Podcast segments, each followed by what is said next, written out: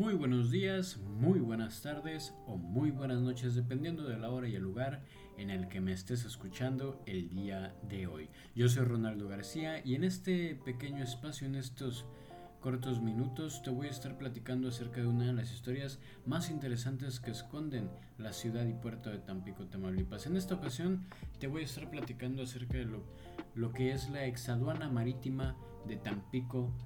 Tamaulipas. Edificio muy bien conocido, bastante famoso, principalmente por su arquitectura y por su cercanía al puerto, a la bahía, en donde llegan todos estos grandes buques con cargamentos bastante pesados de mercancía o de comida o de cosas similares, ¿verdad? Pero déjame contarte que según datos históricos y según el boca a boca, se cuenta y se dice que fue precisamente la señora doña Carmen Romero Rubio, quien era la esposa de nada más y nada menos que del mismísimo general don Porfirio Díaz. Ella fue la que se encargó de convencerlo de que en lugar de que se construyera en el estado vecino del sur, o sea, nuestro vecino de Veracruz, se hiciera aquí en Tampico. Se dice también que fue orden personal del general que se hicieran los planos en conjunto con la compañía del ferrocarril central,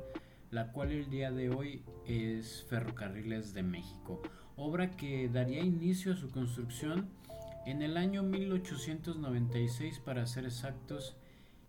y que aproximadamente tuvo un costo de construcción de 850 mil pesos en oro, lo cual convertido al valor de la moneda actual, se aproximaría a ser unos 280 millones de pesos, poco más, poco menos. Pero claro que por supuesto, esta obra se hizo con los mejores materiales y con los mejores arquitectos de ese, de ese tiempo, lo cual le ha permitido soportar uno de muchos desastres naturales, en especial uno de los más grandes de la historia, el cual fue el huracán Hilda en el año de 1955. Recordemos que este inoportuno desastre, este inoportuno azote de la madre naturaleza en contra de la ciudad de Tampico, Tamaulipas y de Veracruz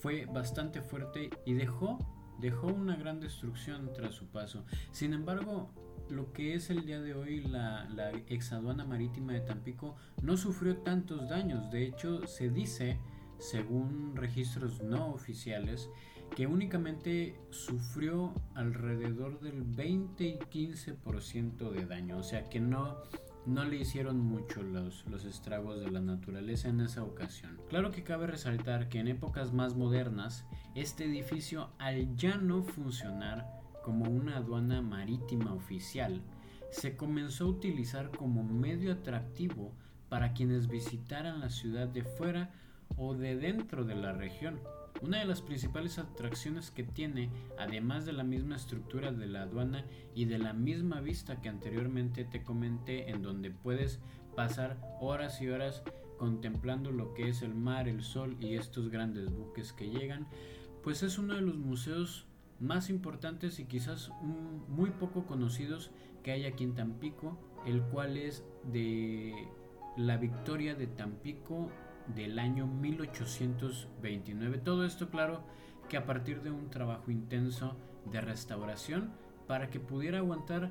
más que las inclemencias de la naturaleza misma como lo hizo ya con, con el huracán Hilda,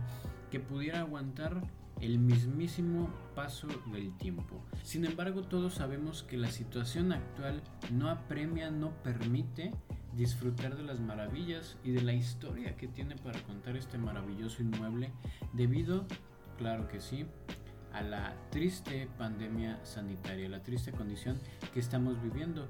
Pero no está de más ser un poquito positivos, tal como lo comentó la secretaria de Turismo en Tampico, Elvia Olguera,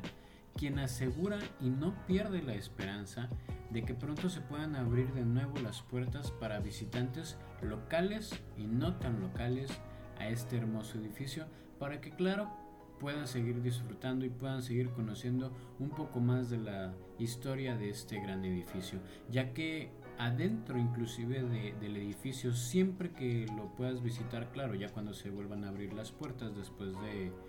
de que pase esta contingencia sanitaria, siempre puedes contar con guías turísticos, los cuales se saben al pie de la letra las historias que rodean todo el inmueble de la ex aduana marítima de Tampico.